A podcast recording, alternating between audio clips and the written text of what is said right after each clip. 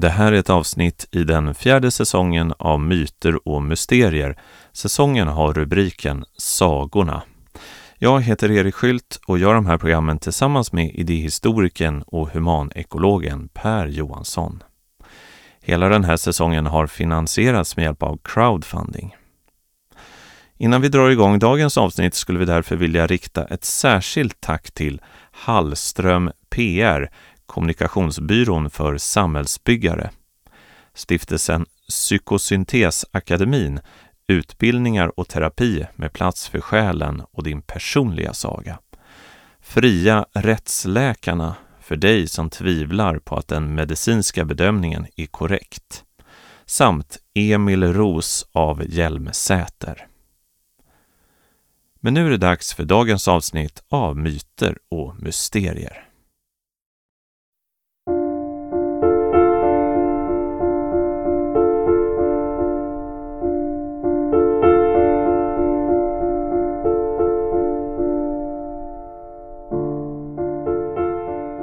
Vad spelar egentligen själva platsen för roll i våra liv? Mår vi bättre av att arbeta med utsikt över en rosenträdgård? Eller är alla sådana tankar egentligen bara romantiskt flum? I det moderna samhället är det ofta effektivitet och funktion som går före en plats eller en närmiljös estetiska utformning. Det är kanske därför vi har de sterila, öppna kontorslandskapen, de stora sjukhusen som liknar fabriker eller de enorma bostadskomplexen från slutet av förra seklet.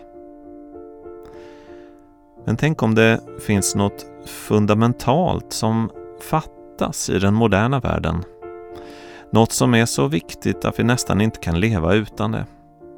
Något gammalt, eller snarare evigt. Något som ofta hör sagan till. Något som har med alverna att göra.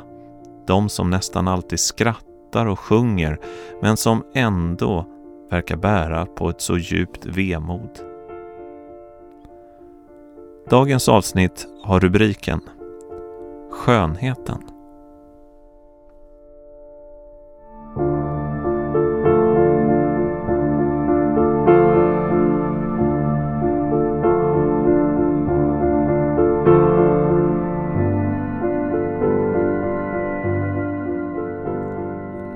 Vi följer den lösa röda tråden genom Tolkiens Sagan om ringen-böcker så har vi nu ungefär kommit fram till det som heter Vattnadal på svenska. Det är väl, på engelska är det väl Rivendell va? Ja, just det. Och um, det här är en väldigt speciell plats. Ja. Hoberna och Aragorn har varit jagade av de här hemska mörka naskulorna, men de klarar sig fram till Vattnadal och blir då räddade. Och Frodo som eh, varit sjuk efter det här eh, eh, efter att ha fått morguldolken i sin axel. Han frisknar till där, för det är nämligen så att Vattnadal är ett ställe där alverna bor. Och Frodo vaknar upp i en, en säng där in i det stora huset som tillhör då alvkungen, kan man väl kalla honom, Elrond. Och han tittar upp i taket och han tittar i det här rummet, han ligger i en säng, han, han minns det här som har hänt bara som i en dimma. Han inser att han ligger, på en, han ligger i en säng i ett rum på en plats som är otroligt vacker. Allting är eh, Ehm, um, varje detalj i det här rummet är utförd med, med den, den, allra högsta formen av hantverksskicklighet. Det är liksom snidade takbjälkar, det är vackra fönster. fönster. Han tittar ut lite genom fönstret och ser att nej, men där flyter floden genom en dal. Det är en otroligt idyllisk plats. Och den är väldigt vacker. Och det här är en plats som man mår väldigt bra på. Eh, Frodo, när han kommer dit så är han ju sjuk. Han behöver bli frisk. Så egentligen utifrån var berättelsen, hur berättelsen ser ut så skulle man nästan kunna kalla den här platsen för ett sjukhus. Och Frodo blir då frisk. Helad av Elrond. Och jag tror Gandalf är med på något hörn och hjälper till där. För att föra tillbaka det här resonemanget eller den här beskrivningen av, av platsen Vattnadal till vår tid så tror jag att eh, man skulle kunna göra något liknande med våra miljöer. Tänk om sjukhusen såg ut som Vattnadal i sagans värld. Det har jag tänkt på ibland. Finns det några byggnader i de flesta städer som är fulare och tråkigare att ens komma i närheten av rent estetiskt än sjukhus? Det är ofta de absolut fulaste husen. Ja. De är som fabriksbyggnader. Och det är ju egentligen vad de är. Det är ju ingen slump att man talar om vårdapparaten. Visst. Det Visst. är ju en industriell organisation av sjukvården. Och det ja. syns i byggnaderna. Jag var ju på resa i, i Frankrike i höstas. Och då så, eh, det här var i Provence, södra Frankrike, tillsammans med en kompis. Och eh, då kom vi till den lilla staden i Provence där eh, Vincent van Gogh satt på sinnessjukhus. Och eh, metoderna de använde där var verkligen hemska. Det var sådana här kalla bad och de blev fastlåsta och det var tvångströjor och mm. massa sådana saker. Men platsen var helt underbar. Men där, det är intressant för att äldre sinnessjukhus som man sa förr, psykiatriska kliniker, de låg ju de låg ju faktiskt ofta i vackra parkmiljön var ofta vacker. Man har vackra parkmiljöer. Man kan tänka på Sankt Lars i, i Lund till exempel. Gamla Sankt Lars. Nu har psykiatrivården där flyttat till ett superfyllt hus i Norra Lund istället. I tidens anda skulle man kunna säga. Jag tror att det finns någonting här. Um, och jag uh, har en egen sån uh, erfarenhet av att komma till ett vattnadal. Ehm, jag kan ju säga eh, vilken plats jag tycker är, är som ett vattnadal. Det är eh, slottet Bjärka Säby söder om Linköping. Ehm, olika typer av ehm, möten finns där. De har ju en sån här kristen ekumenisk prägel. Så att det är liksom alla olika typer av kyrkoinriktningar. Och så har man retreater då. Och jag har varit där ganska ofta på retreat. Och där upplevde jag första gången jag steg ur bilen. Så på en sekund kände jag, det här är som Vattnadal. Mm. Eller rättare sagt, det är Vattnadal. I mitt liv är det Vattnadal. Det är en plats där man blir helad. Och den erfarenheten då, när jag stiger ur bilen och sen bekantar mig med platsen, den, den visar sig, eller den, den förnimmelsen vi, visar sig stämma. Och leder då till en erfarenhet som är att jo, men här kan i alla fall jag bli helad. Varför då? Jo, men jag tror att det finns några olika saker här. Mm, det första är att eh, mycket av verksamheten som bedrivs där går ju ut på att man på något sätt ska om inte helad, så, så gå ner i varv. Alltså det finns rutiner som, som handlar om långsamhet och eh, tystnad och stillhet. Det är klart det spelar någon roll. Det andra är att eh, det är en otroligt vacker plats. Slottet är från 1700-talet, fint renoverat, samtidigt som det är liksom lite bedagat. Så det är inte så där tipptopp allting. Sen när man sover på slottet så är det, man har ingen toalett på rummet utan den ligger ute i en korridor och sängen är säkert från 1910 och det, det är gammalt. Men allting är otroligt vackert. Och sen så befinner sig slottet då i, eh, jag tror det är Sveriges största ekskog eller ekpark. Och det ger ju också en, en typ av, av eh, stämning. Sen är den sista saken som man skulle kunna säga är den mest mystiska, men som jag ändå tycker ehm, spelar roll här. Det är att det här är en plats som har ett sånt aktivt böneliv. Man ber där. Fyra, fem, fyra gånger per dag. Det känns på något sätt. Det är någonting som pågår här. Det är någon typ av andlig verksamhet som pågår på den här platsen. Och den andliga verksamheten har då, eh, om man får säga så, goda, goda förtecken. Det är liksom en, en, en positiv anda och eh, människor. Nu låter det som att jag idealiserar, men jag har varit där så många gånger så att jag tycker att som på allting i denna värld så är ingenting perfekt. Men människor är snälla faktiskt. Jag, jag, känner inte att du idealiserar. Den, den plats som i min erfarenhet kommer närmast det du beskriver, det är faktiskt Sigtuna stiftelsen. Där du och jag också varit många gånger. Jag har varit många gånger där eh, själv och med andra i andra sammanhang också. Det, varje gång jag kommer dit så känner jag hur så fort jag kommer liksom nära och ser byggnaderna så känner jag hur jag tar ett extra djupt andetag och något, något lugn sänker sig över mig som varar hela vistelsen. Där, om det nu är en natt eller flera nätter, det har varit lite olika. Och jag Därpå är också, förutom eh, kulturverksamhet, det finns ju också ett, ett kristet, ekumeniskt kristet inslag. Eller där också. Och eh, jag, jag, är säker på att en plats som under lång tid, Sigtuna stiftelsen fyllde ju 100 år härom året. En plats som under lång tid, där en väsentlig del av verksamheten sker i, en, i bokstavligen en viss anda, präglar hela området. Faktiskt. Eh, och det känner man. Om man har minsta intuition så känner man av det innan man ens börjar tänka på saken. Att här är en, en annan stämning, en annan atmosfär mm. än på andra platser.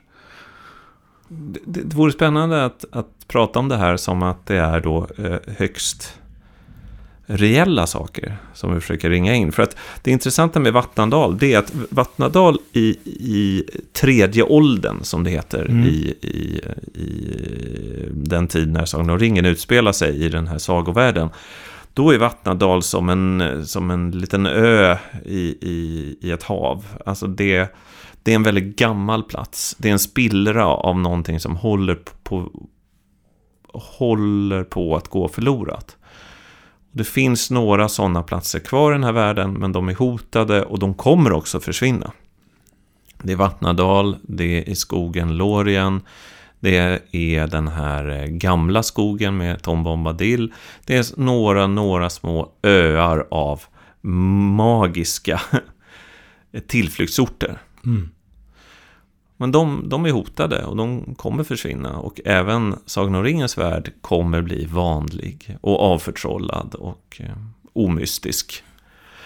Och Tänk om det är så i, den här världen också, att det finns sådana platser som liksom är kvar från en gammal tid, där man förvaltar ett annat sätt att tänka och ett annat sätt att vara.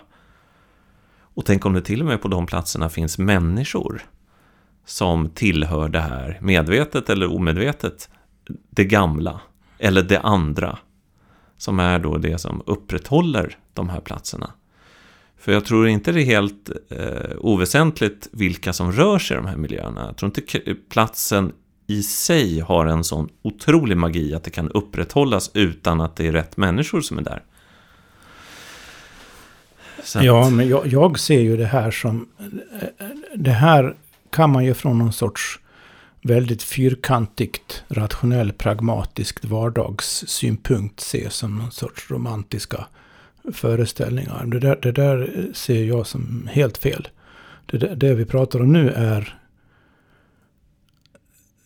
sagolikt i reell bemärkelse. Alltså utifrån ett, ett, ett helt sekulariserat förnuftsperspektiv så är det sagolikt. Men från ett fundamentalt upplevelse, förnimmelse, erfarenhetsmässigt perspektiv som man har som mänsklig organism.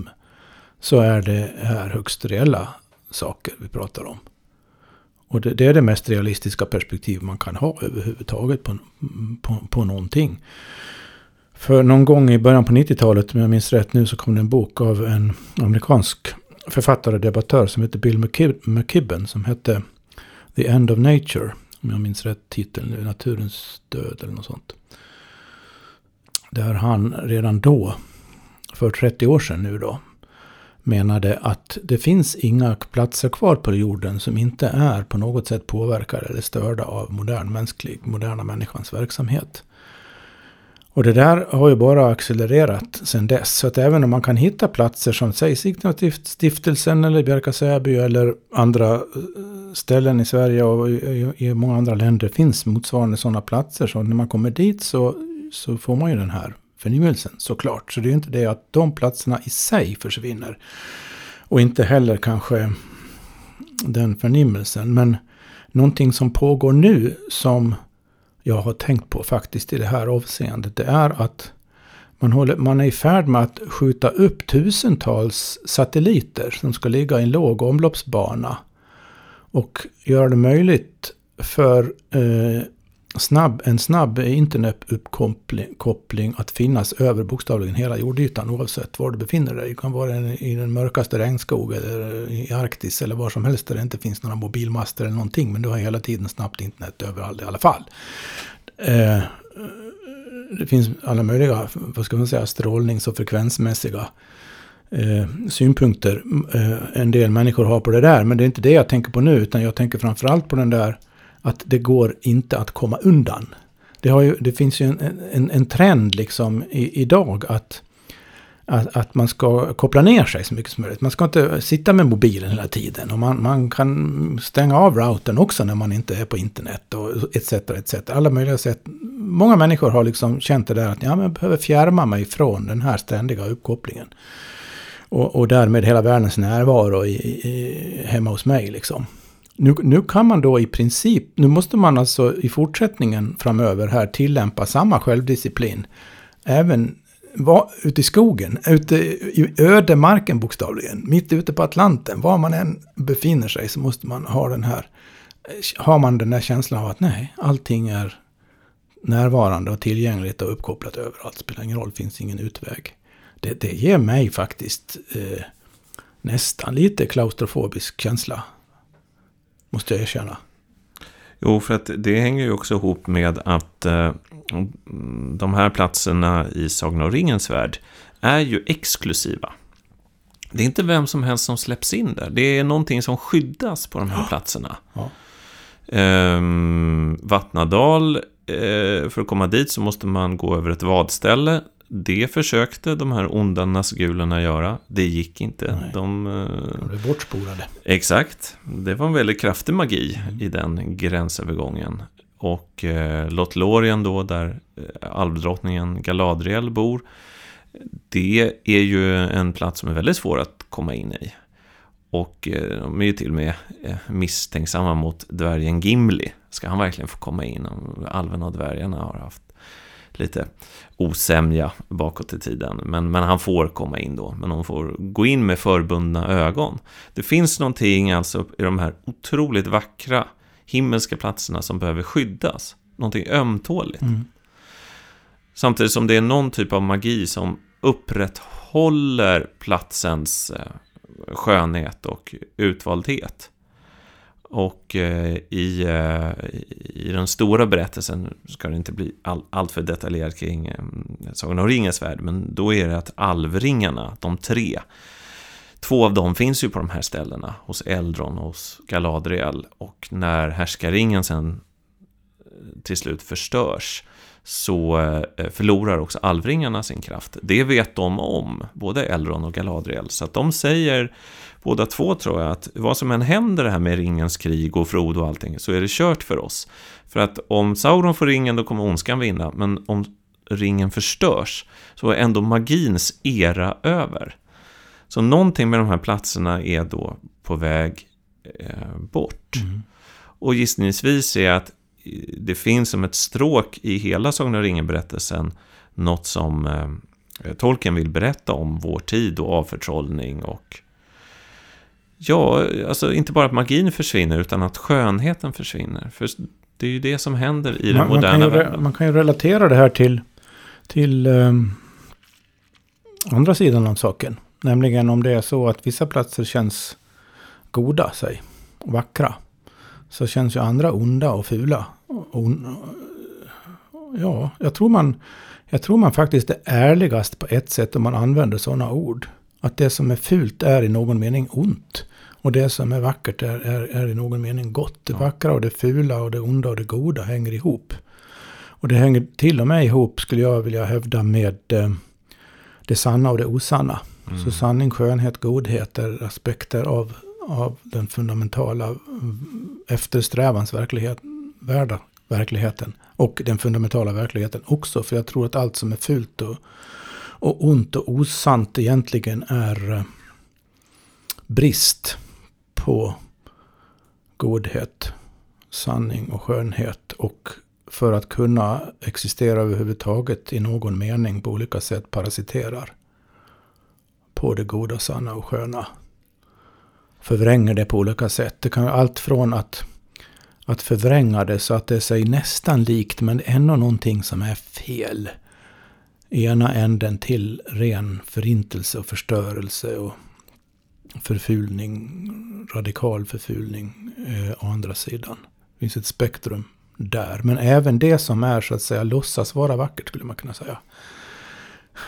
Om man har sinnet för det rejält vackra. Och det tycker jag faktiskt är en adekvat term, hur omodern den än har blivit.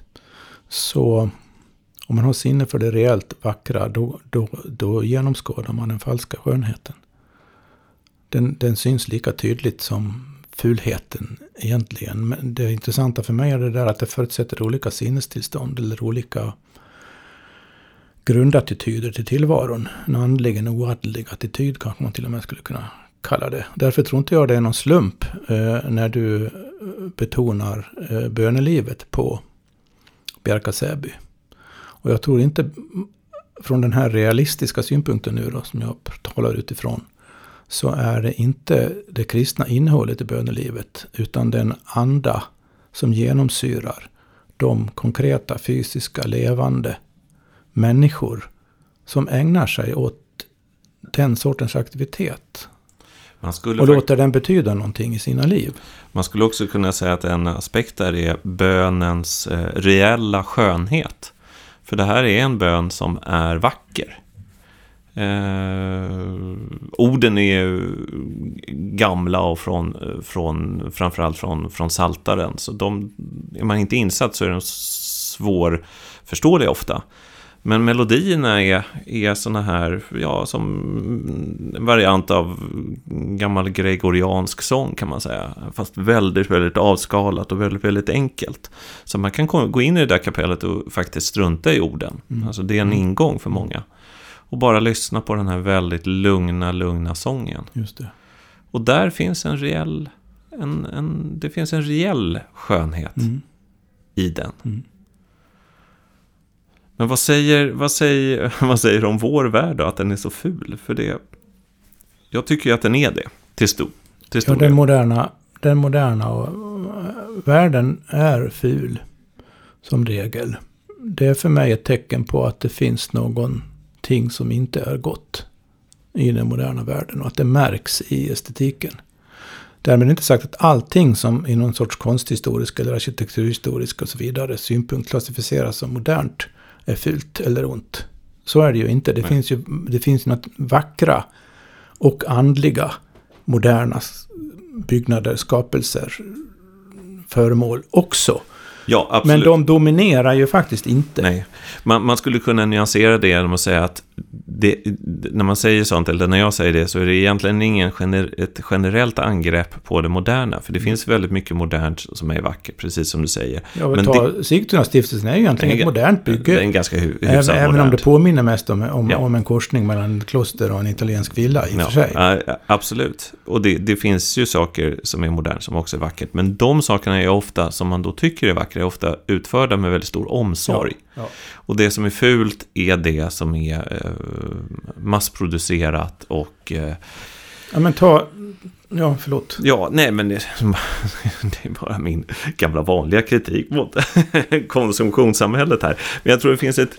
En, en, jag tror det finns något djupare i det som vi har varit och tassat kring tidigare, men som det är dags att, att dyka rakt in i. Som just handlar om kopplingen mellan det vackra eller det sköna och det sanna. För där, det här är ju någonting som, som verkar genomsyrat historien i alla århundraden fram tills ja, efter andra världskriget ungefär. Då det inte längre gäller. Och det är det som är så otroligt speciellt. Det här är ju någonting som, som ehm, ja men ta, ta det här med sjukhus där vi började. Det, för mig är det ju absurt att när man, vare sig man är psykiskt sjuk eller fysiskt sjuk, och särskilt om man är då under en längre tid, så man behöver någon typ av rehabilitering, då ska man väl vara på en plats som är, då ska man vara på den vackraste platsen som samhället kan erbjuda. Det enklaste är kanske att börja i hur man i så fall, om man ska ge ett någorlunda kort svar på den frågan, är att börja i sanningsbegreppet. Vi är vana vid ett vetenskapligt sanningsbegrepp, ett rationellt anses det vara sanningsbegrepp begrepp Som bygger på att sanning består av sanna påståenden. Man kan säga, säga vad som är sant, man kan skriva vad som är sant. Och i vetenskapen får man fram påståenden som, har, som inte är sanna, men som vissa filosofer säger har en sanningslikhet. De är alltså närmare sanningen än vissa andra alternativa påståenden.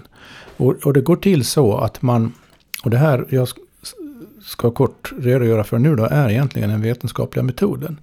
Det går till så att man formulerar en teoretisk hypotes om hur någonting är.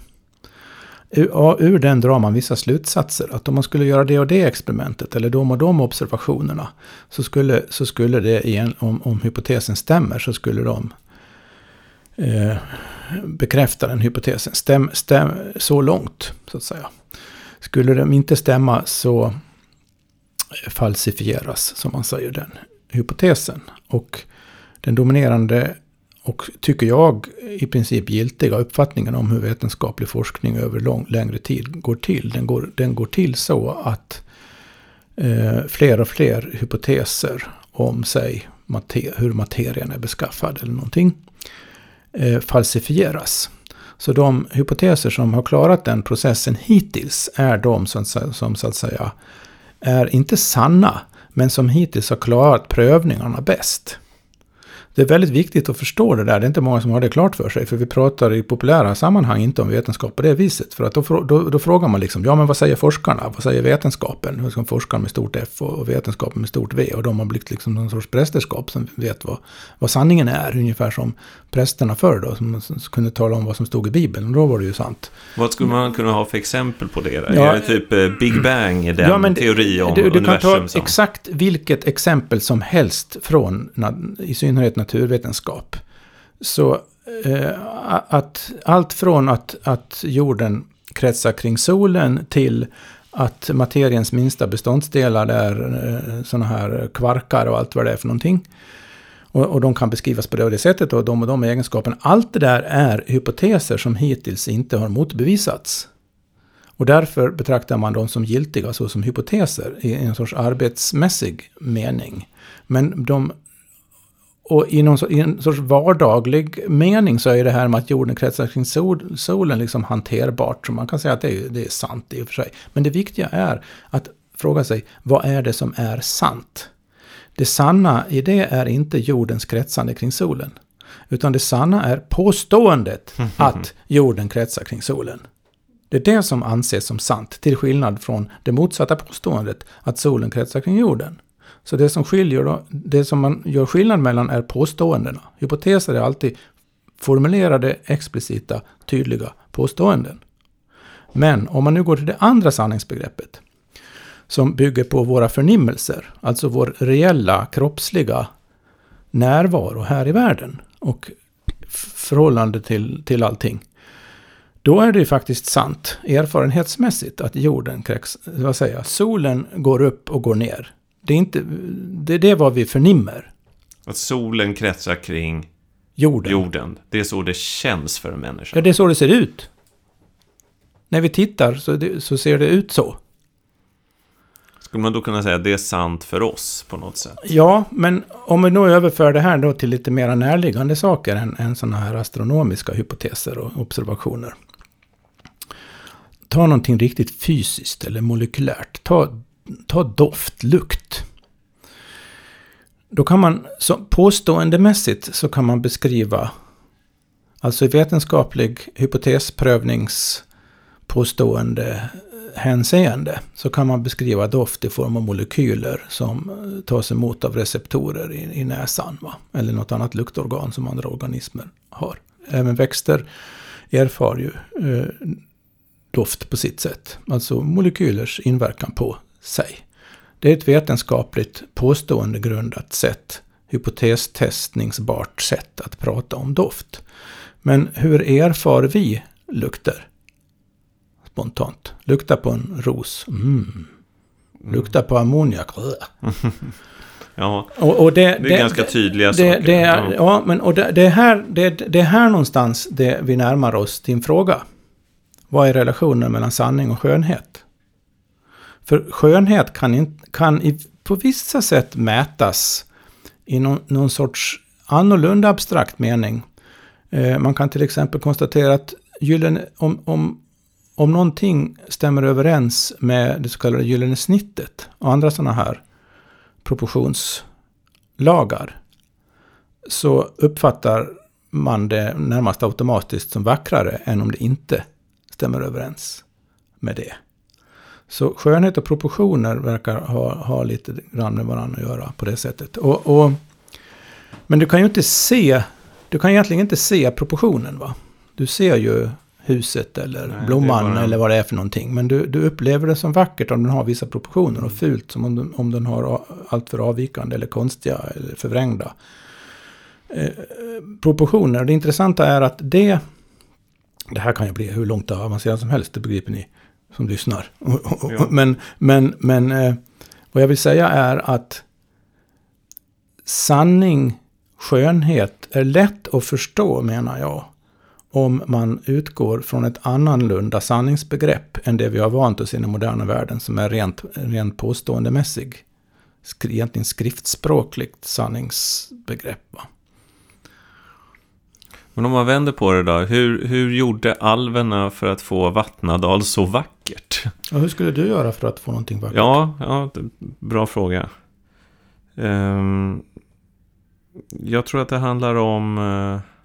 Låt oss säga att du skulle inreda ditt ja, kontor ja, så vackert du kan. Ja, precis, du, du, har ett ganska vackert kontor. Vi sitter, det känns sitter, väldigt trivsamt här. Vi sitter där just sitter här. Jag har försökt jag, jag upplever det som, här, det, det, det, är faktiskt vackert. Jag har försökt här. På, på sitt sätt. Ja, det, det är definitivt mycket, inte fult. Nej, jag har inte så mycket att jobba med. Det är lite stökigt alltid, men, men, men det kanske... Men hur har det gått till liksom? Ja, alltså jag eh, ville ju då, jag kan ju berätta lite om mitt kontor, det ligger i Gamla stan. Eh, det är bara ett rum som är kanske 10 kvadrat stort. Det finns en toalett ute i liksom trapphuset, eh, så det är bara detta rum. Men det ligger på bottenvåningen så det är ganska mörkt. Det finns en gammal öppen spis i ett hörn. Ja, den är, den är vacker. Den går, går tyvärr inte att använda. Men det är renoverat på 70-talet så att eh, golvet är egentligen väldigt tråkigt. Det är ju sån här gammal plastmatta och väggarna är såna här 70-tals väggar känns de ju som. Eh, men jag, skulle säga så här, alltså det, jag, jag vill ju att det här kontoret ska vara personligt. Så en massa olika liksom, personliga grejer och um, ganska mycket tavlor och, och foton och mycket böcker och Ja, alltså så här, det... Det här ska... Ja, men nu, nu kanske det kommer fram någonting när jag bara sitter här och funderar. Eh, jag vill ju att det här kontoret ska eh, ha någonting med mig att göra. Det ska, på något sätt ska det hänga ihop med mitt inre. Det är nog det, det viktigaste här. Um, jag, jag, hade givetvis, jag är inte en stor inredare och egentligen inte en jätte, jättestor estet när det gäller att göra sådana här saker själv. Men, men här inne, jag, jag, ja, det, det ska vara personligt. Jag skulle säga att det är, det är någonting av din själs egenskaper som manifesteras här i hur, hur det ser ut och känns ja, i det här, det här rummet. Och det betyder ju att skönhet faktiskt är relaterat till, om, om vi håller fast vid det här nu då, utan att idealisera dig eller göra någon annan sorts eh, fel. Alltså vad jag vill säga är, genom att eh, prata runt lite så här. Det jag vill säga är, är att det är skönhet är inte subjektivt. Alltså det är personrelaterat. Du har manifesterat din själ i det här rummet. Precis som den manifesteras i allting du, du gör som kommer ur, ur dig. Det gör att det är personligt, men det är ju inte subjektivt. För att jag uppfattar ju det. det och ju mer mm. du och jag vistas tillsammans och pratar och gör saker tillsammans, desto mer mindre, mera lika blir ju vi för varandra. Och så är det med, egentligen med alla mänskliga relationer. Och, och det betyder ju då att om en, en människa faktiskt omger sig med en miljö. Och det här kan man ju tänka kollektivt då va. Om det finns en, en sorts kollektiv sån här um, manifesteringsprincip. Också om det, om det finns någonting i, man skulle kunna kalla det, det inte det totalt gemensamma medvetandet inom citationstecken, utan i, i det dominerande. I ett samhälle dominerande medvetandet. Det vill säga att de som har mest att säga till om och kan finansiera och bestämma, så här ska det se ut, så här ska det vara. Summan av de människornas attityd till det de manifesterar, precis som du har manifesterat inredningen i ditt kontor. Summan av det de manifesterar blir ett direkt uttryck för deras uppfattning av, eller brist på uppfattning av, sanning och skönhet. Egentligen. Mm. Mm. Och, och, om det då är rent rationellt, egentligen, apropå vad jag sa innan, påståendegrundat rationellt, effektivt, analyserbart. Eh, ta en sån sak som löpande bandprincipen. Den, den kan liksom bara manifesteras på, på, på vissa vis. Skulle det vara för många kurvor och knickar och oförutsägbara nivåförändringar och annat så skulle löpande band inte fungera. Och, och det är otroligt mycket i, i samhället som följer en, i en sorts abstrakt löpande bandprincip. Inte minst sjukvården mm. gör det. Och då kan saker och ting för att kunna följa den principen, som är en en sån här mental eller inre princip egentligen. Den kan inte bli annat än, än, än ful. För hela grundattityden har ingenting av skönhet i sig. Egentligen. Det intressanta med det här det är att eh, alltid när man pratar om, om sånt här så riskerar man i vår tid att bli, bli liksom kallad lätt eh, reaktionär eller nostalgisk ja, eller så. Ja.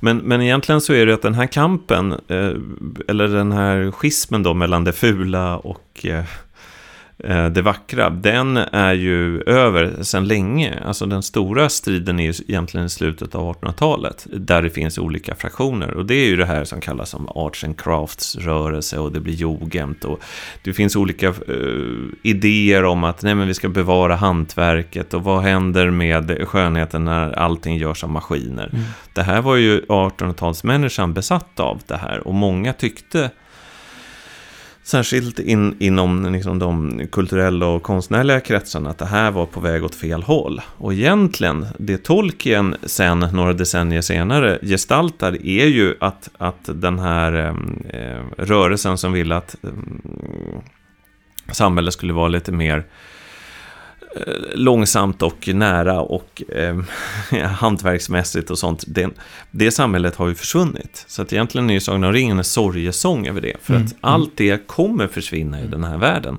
Det är på så sätt inte en fantasyberättelse och egentligen inte en sagoberättelse. Nej, utan en dröm om en eh, tror jag i alla fall, att han försöker säga någonting väldigt reellt om denna värld. Och att eh, världen som de här figurerna i sagan då går igenom är den värld som en dag blir vår värld. Så egentligen är det att han vill göra någon typ av väldigt avancerad alternativ historieskrivning. Det fanns alltså, menar han, och det kanske du och jag menar också, det fanns alver en gång i tiden. Och de bodde på olika ställen. Och det finns rester av de platserna kvar idag det är kanske ingen som bor där längre. Det kanske bara är ruiner eller något museum eller något sånt där. Eller så släpps man inte in. Apropå museer. Ja, om, jag åt, om, om jag återgår lite grann till det här jag sa. Att, att eh, sinnet för skönhet. Som jag eh, menar är en ren förnimmelse egentligen. Att den inte är subjektiv. Det vill säga den, här, den är reell. Den är inte heller objektiv. Den är varken subjektiv eller objektiv. Den är så att säga subjektiv och objektiv samtidigt.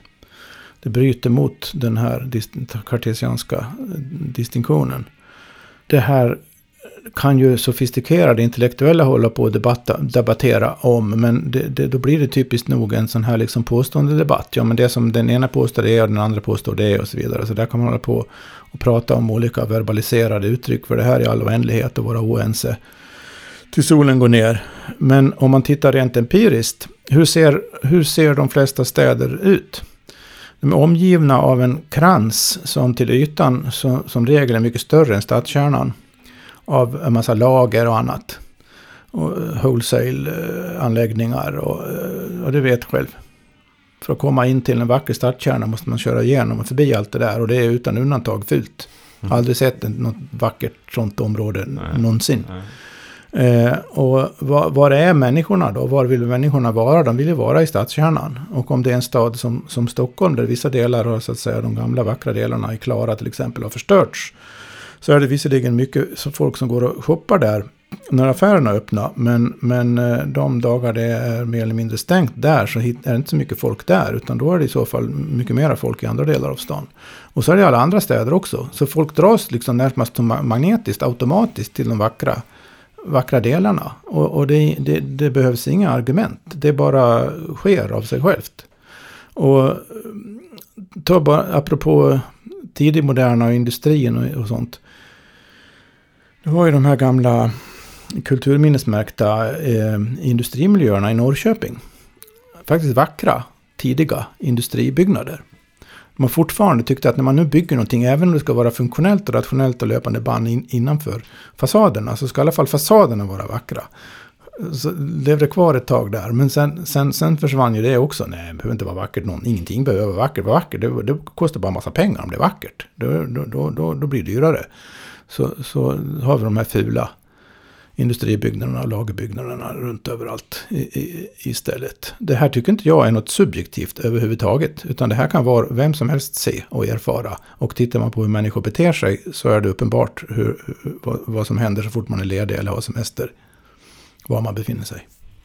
Men om man, det, det, det är väldigt svårt att eh, skapa en rörelse som eh, går emot det fula, även om jag gärna skulle vilja vara del av den rörelsen.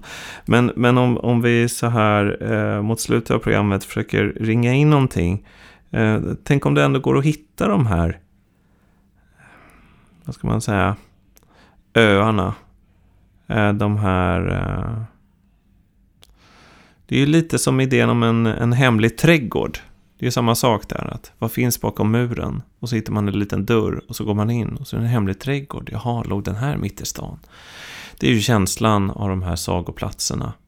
Men också det som, som jag då upplevt eh, på de här platserna som vi talat om. att Det är lite så. De är inte hemliga på något sätt, det är ju bara att åka dit egentligen. Men det finns en hemlighet som vilar över platsen, i alla fall någonting som är svåråtkomligt. Och det där kanske skulle kunna vara någonting. Jag skulle vilja bygga en sån trädgård själv.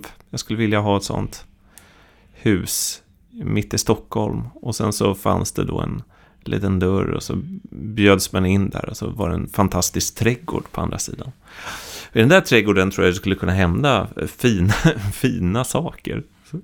Så eh, naiv är jag att jag tror att den, den miljön faktiskt påverkar oss Nej, jag, skulle, jag, jag, har ingenting emot om det här. Det här utmynnar i en uppfordran till alla som på något sätt har någon som helst påverkansmöjlighet, ansvar för eller involverad i skapandet, ritandet etc. av det som är och blir våra framtida människokonstruerade miljöer. Vad, vad, tänka efter ordentligt. Vad är det som egentligen hindrar dem att bli vackrare och vackrare. Vad kostar fulhet? Och så vidare.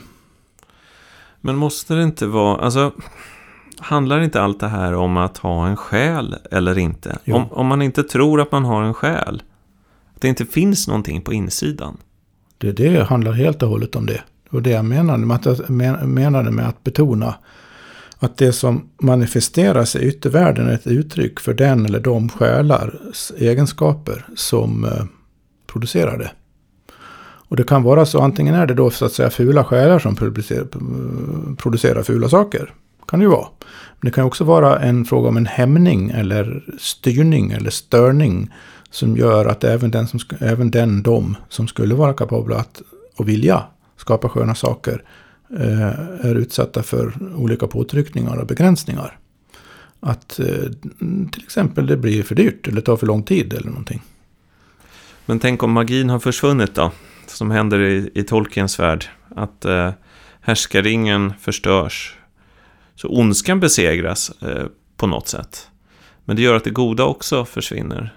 Alltså på något sätt är ju det Europas öde efter världskrigen att okej, den här eh, en viss typ av ondska eh, som finns i Europa besegras.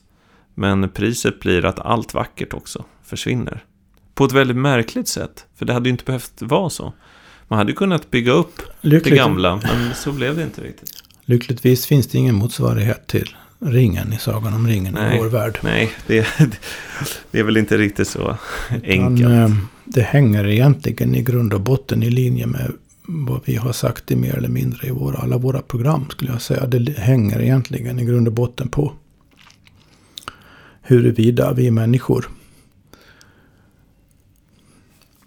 danar, kultiverar oss själva i en riktning som gör oss kapabla att åstadkomma det vi vill, önskar, älskar.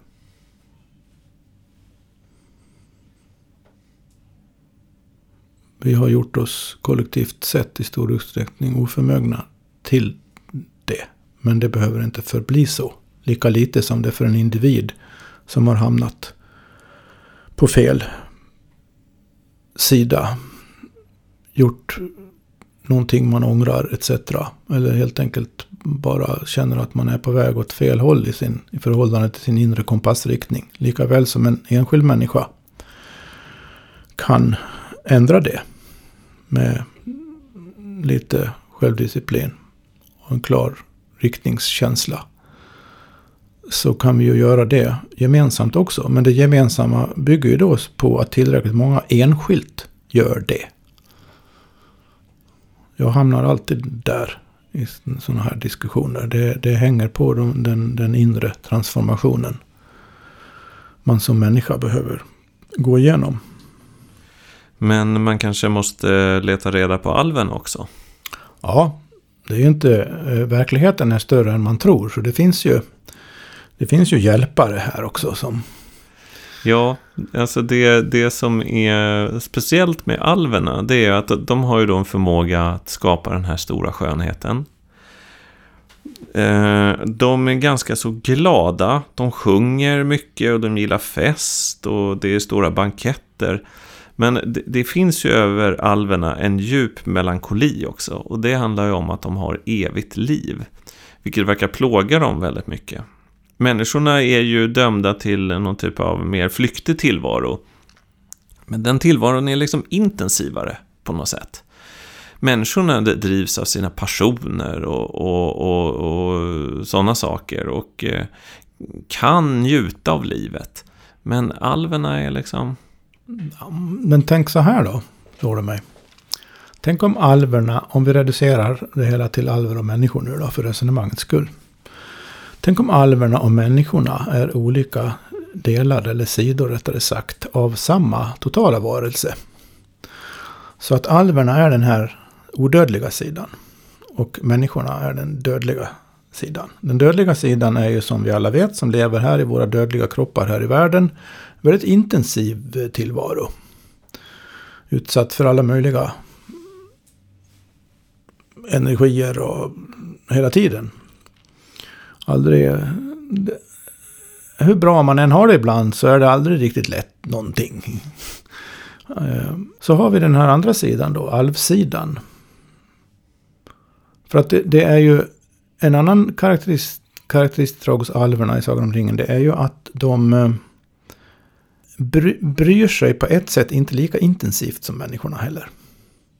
De bryr sig av, egentligen av, av någon sorts kärleksfullhet och en, en, en strävan att bevara och gestalta och, och, och leva i det, det vackra, låt oss säga. Men, men de har också så mycket erfarenhet över hur tokigt det, det kan bli. Men eftersom de lever så länge så vet de också att även om det går ut för ibland så går det uppför lika, kan det gå upp för lika fort eller lika lätt.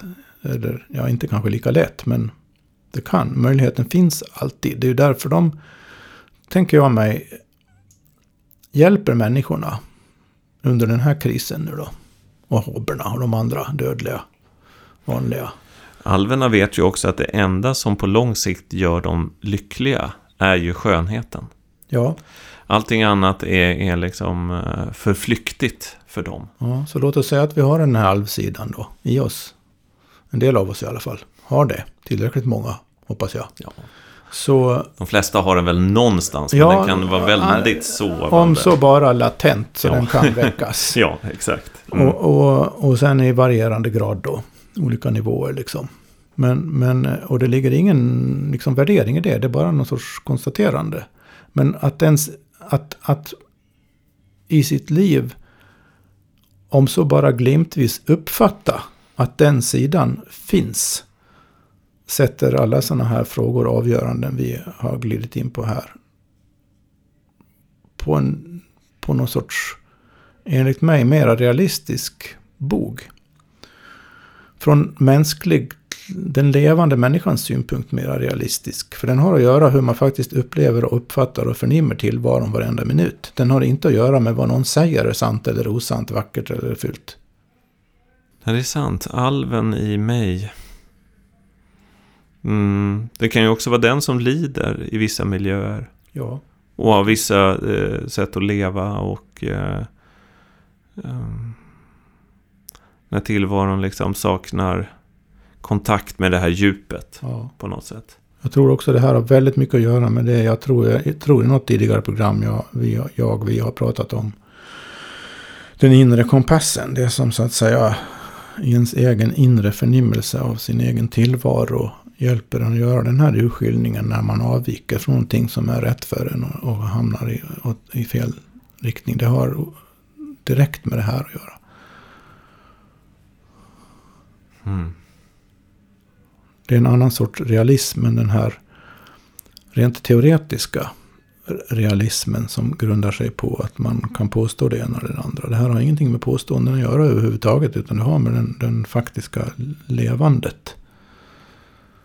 Som ju ändå är mera fundamentalt än påståenden hur man än vrider och vänder på saker och ting.